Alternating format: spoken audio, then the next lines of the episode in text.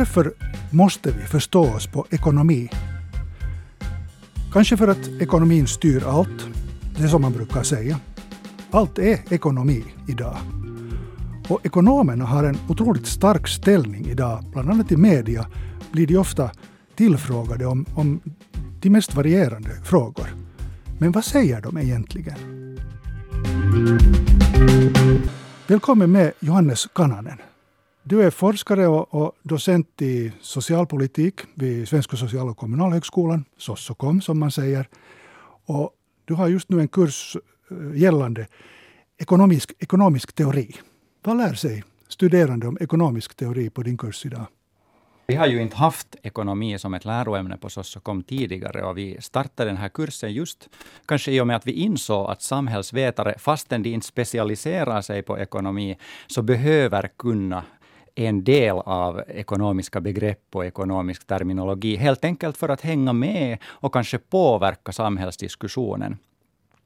Men det här greppet som vi har på, på min kurs är egentligen att vi försöker inte liksom lära oss ett enda sätt hur ekonomin fungerar, eller liksom att hur ekonomin fungerar med stora bokstäver, utan vi tittar på olika sätt. För att om vi tittar på vetenskapshistorien, historien av ekonomisk teoribildning, så märker vi att det finns olika skolor, olika teoribildningstraditioner. Och på vår kurs så sätter vi de här teoritraditionerna liksom i deras historiska kontext, då när de har kommit till. Så vi börjar helt enkelt på 1700-talet och så rör vi oss fram till nutid och går igenom en fem, sex stycken skolbildningar som alla ser på ekonomin ur sin egen särskilda synvinkel. Ja, här uppstår genast en fråga i mitt huvud. Kan vi lära oss någonting av, av 1700-talsfilosoferna och ekonomerna som som startar liksom det som vi nu idag kallar för ekonomisk teori? Den här frågan får jag faktiskt av mina studerande där på kurser, att det är ju helt klart att samhället har förändrats. Och det är också en fråga att fundera, hur har samhället förändrats? Till exempel på 1700-talet så levde vi, vi ju i Europa i ett ganska starkt klassamhälle. Och efter det så har vi ju haft ett försök att komma bort från det här klassamhället. Så det är klart att samhället har förändrats. Men om, om vi tar ett lite större perspektiv och tänker på att vi lever i ett modernt samhälle.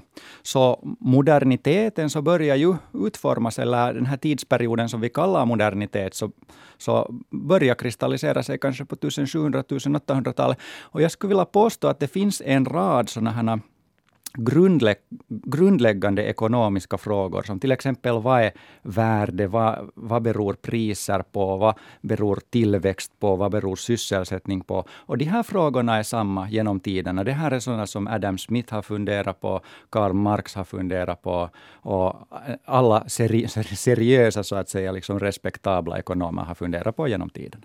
Adam Smith, var det han som lanserade det här begreppet den osynliga handen? Adam, Adam Smith talar om den osynliga handen och den har, det är på ett sätt lite kanske också en klyscha som vi liksom fäster Precis. till Adam Smith, att, att vi liksom förknippar det med honom. Han sa ju en massa andra saker och den har blivit liksom där och leva. Och man använder det också för, tryckligen för att bevisa att marknaden styr sig själv. Vi behöver inte på något vis eh, begränsa marknaden. Och, och så, så, så tillvida jag har eh, förstått rätt så, så var det inte så här han sa, utan han hade en hel massa randanmärkningar. Han hade till exempel eh, tankar om, om uh, räntetak så, som, som är ganska radikala idag. Mm. Så, så, att det är också, ekonomisk teori är också ett sätt att använda mm, makt helt enkelt. Det vill säga man hänvisar till ekonomisk teori och säger att därför måste vi göra så här som, som mitt parti säger.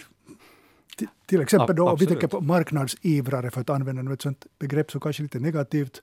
Marknadstroende brukar man säga, men marknadsekonomer som, som säger att, att vi ska, staten ska så lite som möjligt blanda sig i det som eh, vi nu ska kalla för den här organisationen av samhället. Utan marknaden vet bättre. Det är ju en helt aktuell diskussion i Finland idag. Mm. Som vi kan liksom dra parallell till, till 1700-talet. Mm. Eller hur? Ja. Absolut, absolut. Och där kommer vi in på liksom politiken. Att, att ekonomi och politik är på något sätt väldigt nära kopplade. Ekonomi och värderingar. Att det kan ju vara, liksom ur ett högerpolitiskt perspektiv, kan det vara helt legitimt att säga eh, att vi vill ha liksom mera marknader. Vi vill liksom begränsa statens storlek och sånt här. Men det som jag på något sätt efterlyser i en ekonomisk diskussion, att man är just att man är uppriktig med sådana här värdeutgångspunkter. Att ifall det är värderingar man vill föra fram, så då säger man det också. För det blir ofta lätt så att man hänvisar till något ekonomiska faktan, eller sen att man säger bara att ekonomin fungerar bara så här. Och Precis. därför finns det bara ett vettigt och vetenskapligt sätt att styra ekonomin. Och då blir det problematiskt. Det, det är det här som, som vi i många sammanhang har stött på. att Vi folket, politiken, vi frågar ekonomerna hur ska det här lösas? Och så säger de det finns bara ett alternativ och det är det här. Och det, det måste vara marknaden styr bäst eller uh, det offentliga är ineffektivt eller ja, det finns många exempel. Och, och, och sen liksom tar vi emot det här och säger att jaha, nej, men då finns det bara ett alternativ. Då, då, då måste vi rädda bankerna, som det sades 2008, för annars kollapsar allt. Mm. Och, och jag länge funderat på att varför frågar vi alltid ekonomerna först? För att inte det är ju de som vet hur vi vill ha det. Och jag tänkte ta upp ett, ett, ett alldeles konkret exempel från Finland. Det har under den senaste tiden diskuterats äh, äh, frågan om hemvårdsstödets existens. Och det finns äh, någon som, som säger att tar upp liksom så familjepolitiska argument och säger att det, det, är bra för barnen eller det är bra för familjerna. Eller, nästan hela tiden ser jag i debatten som, som pågår just nu att, att de här argumenten bemöts med det att ja, men vi har inte råd att låta de här arbetsplatserna gå till spillo. Eller, eh, da, kvinnorna halkar efter i löneutvecklingen på grund av hemvårdsstödet. Det vill säga man tar till helt en annan typ av argument, just de här ekonomiska, som om det skulle vara liksom fakta och sanningen. Alltså det som jag har tänkt på att vem frågar vi om hurdant samhälle vi vill ha? För det är klart att vi kan finansiera hemvårdsstödet om vi vill finansiera hemvårdsstödet. Eh, men vi behöver inte göra det om, om vi inte vill. Men är det ekonomerna vi skulle fråga? Exakt, det där, det är ett jättebra exempel det där med hemvårdsstödet. För att i den diskussionen så kommer just fram eh, en tendens att tänka att det finns bara ett sätt att tänka på sysselsättning. Och grovt förenklat så är det här sättet som man tänker är att ju lägre de här stöden är, desto högre incitamenten att ta emot arbete. Det vill säga att man tänker att människor helt enkelt gör en sån här rationell nyttokalkyl när de sitter på soffan och funderar att ska de jobba eller ska de inte jobba. Ifall de här stöden, vare det sig är hemvårdsstöd eller arbetslöshetsunderstöd eller vilka som helst understöd, ifall de är så pass höga, till exempel eh, högre än de eh, lägsta lönerna på arbetsmarknaden, så gör människor enligt det här tänkesättet den kalkylen att de sitter hellre hemma. Och hur får man dem då liksom bort från den här soffan? Jo, man sänker på de här stöden. Men det som man då inte inser i den här diskussionen, att det här är inte alls det enda sättet att tänka på ekonomin. Och sen här är en, en annan poäng som är jätteviktig, också just i den här aktuella diskussionen om det här hemvårdsstödet. Det vill säga, regeringen har nu liksom också liksom sådär politiskt låst sig in till ett visst sätt att tänka på sysselsättning.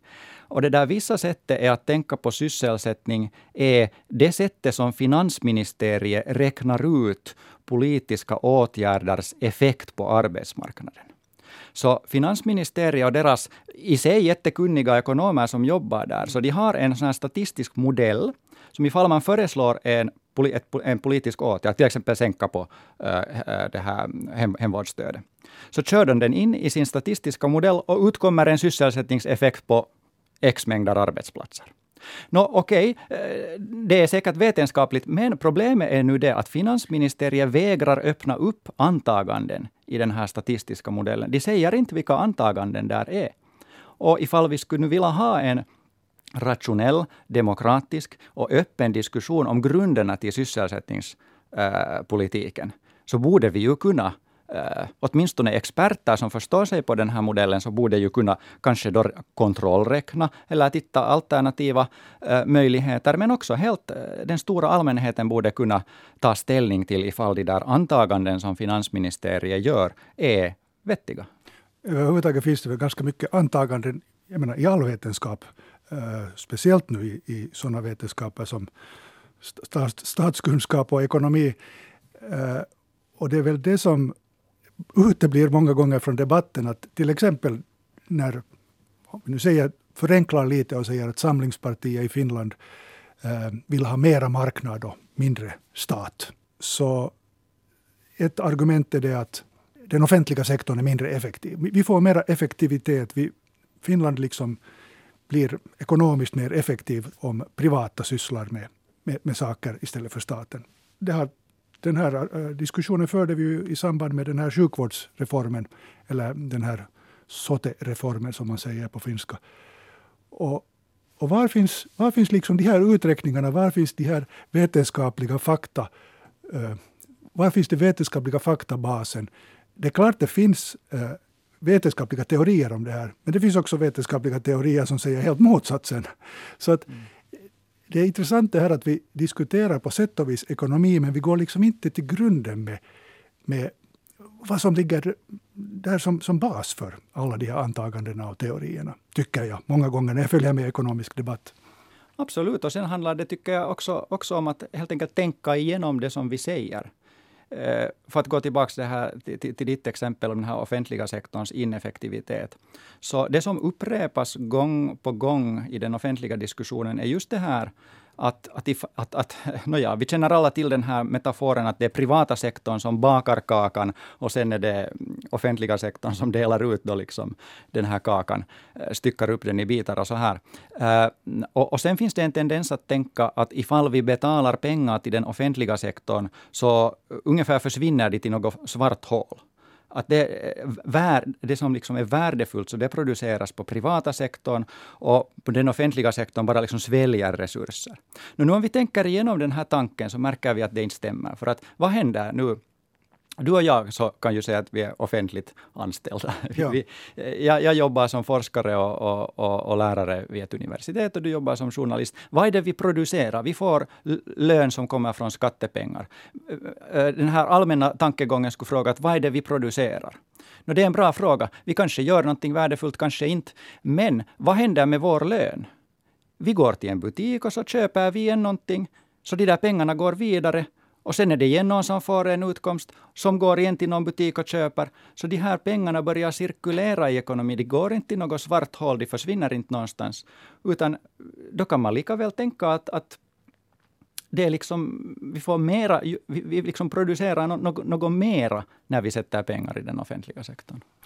Nu när jag lyssnar på oss så måste jag bara komma med en parentes. Eh, jag anser för övrigt att eh, de flesta företag i Finland gör ett bra arbete och de skapar arbetsplatser och de skapar skattepengar och de höjer levnadsstandarden och de möjliggör ny teknologi som tas i bruk för alla.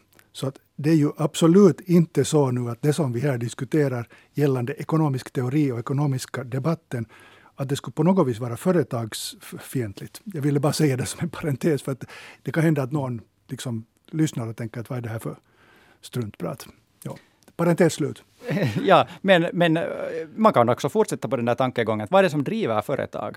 Varför, varför äh, startar en företagare ett företag? Vi kunde ha här en företagare, det skulle vara jätteintressant att, att lyssna på henne. Eh, äh, är det för att man vill bli rik? Kanske. Varför, varför startar man ett, ett startup-företag? Eh, tänker på den här startup-scenen, så där är ju många sådana här världsförbättrare, inte som kommer med en jättefin idé. Och de, jag, tror, jag tror att de tror genuint att den här idén kommer att förbättra världen. Och så söker de investerare till det här företaget. Är det för att de vill bli rika? Jag är inte så säker på egentligen. Jag, Nej, att, jag förstår vad du menar. Ja, att, att det, som för, det som driver företagare är nog kanske också åtminstone de där idéerna, eller kanske, kanske främst de här idéerna, att de vill se att deras idé blir verklighet. Jag tror att det är väldigt, väldigt tillfredsställande för en företagare att se att det som de har haft som en dröm någon gång blir till verklighet. Och jag tror att det är kanske det som driver. Och ofta tänker vi att, att det är det där att de vill bli rika och, och, vi skapar incitament. Det heter ju att, att företagsskatten ska vara så liten som möjligt, dividendskatten och alla möjliga skatter ska vara så små som möjligt för att sporra företagare vidare. Inte sant? Men tänk om det inte är så? Tänk om, tänk om de flesta företagare helt enkelt vill bara förverkliga sina företagsidéer? Spelföretaget Rovio är ett bra exempel på ägare och, och företagare som har kommit ut i offentligheten och betonat att de vill betala skatt. Ja. Liksom nästan så, så mycket som möjligt bara. Och det finns ju förstås många andra exempel också på, på företagare, eller ska vi säga att de flesta företagare betalar ju en eh, bra skatt och eh, lön åt sina anställda som betalar skatt och så vidare. Så det är ju den här årliga skattelistan som vi alltid diskuterar så, så brukar vi ibland också kalla just för, för liksom hjältelistan just därför för att det, det är de som hämtar pengar in till samhället så att forskare kan forska på Sossokom och så att journalister kan producera program på, på YLE. Så att, men, men det var egentligen inte som vi skulle diskutera uh, motsättningar, uh, inbillade motsättningar mellan, mellan offentliga sektorn och privata sektorn, utan hur ekonomisk teori ser ut i den offentliga debatten och hur den liksom används när vi uh, gör politik. Det vill, mm, vad heter det, ännu komma till, tillbaka till din kurs som vi började tala om. Mm. När du nu har en kurs i ekonomi för statsvetare. Så vilka skulle du säga är de viktigaste frågorna som tas upp där? Kan man säga? No, en sån här väsentlig distinktion eller tudelning som vi gör, som, som jag tycker är väldigt viktig, är mellan så kallad ortodox teori och heterodox ekonomisk teori. Det låter komplicerat. Det låter komplicerat, men, men det betyder egentligen äh, det att, att den här ortodoxa teorin äh, är den eh, hegemoniska, den som man, ifall man skulle gå till Hanken till exempel, eller ifall man skulle gå till statsvetenskapliga äh, fakulteten vid eh, universitet och studera ekonomi, så då blir man inlärd i ortodox ekonomisk teori. Och man blir inlärd på det sättet som om det skulle vara den enda vetenskapliga ekonomiska teorin. Och också ifall man läser tidningar, man läser ekonomisk journalistik, så får man det intrycket som om ortodox ekonomisk teori skulle vara det sättet som ekonomin fungerar på och det enda sättet som man tänker. Men det stämmer inte, utan i ekonomisk teori finns det sådana alternativa, också vetenskapliga teorier, som då kallas för heterodox ekonomisk teori. Och ifall man nu kommer med mera begrepp, så den här ortodoxa, eh, ifall man vill kalla det med ett annat namn, så, så det är nyklassisk ekonomisk teori, en mer kanske neutral benämning, som kom till på slutet av 1800-talet. Den har bara av olika orsaker kanoniserats inom ekonomisk teori och man anser att det är liksom den enda vetenskapliga. Så finns det heterodoxa ekonomiska teorier som till exempel marxistisk ekonomisk teori, feministisk ekonomisk teori, keynesiansk, post-keynesiansk, modern money theory, alla möjliga sådana här som inte är nöjda med den här ortodoxa, nyklassiska, hegemoniska äh, teorin och som försöker utmana den. Det är jättebra att du tar upp det här. För jag har just funderat på det som, som själv följer med ekonominyheter och, och, och tänker nu på också på den som nu lyssnar på den här podcasten eller om man lyssnar i radio. Äh, att hur ska man förhålla sig liksom som samhällsmedborgare, som väljare, Eh, i politiska sammanhang som, som individ och som en människa som själv har en ekonomi att fundera på. Att hur ska man förhålla sig till allt det här som, som sker? För det, på något vis, det sker ju hemskt mycket. Vi talar nu om, om de här revolutionerna på, på mm, placeringsmarknaden med, med mm, stora mängder småsparare som utmanar de stora fonderna och, och den här typens frågor.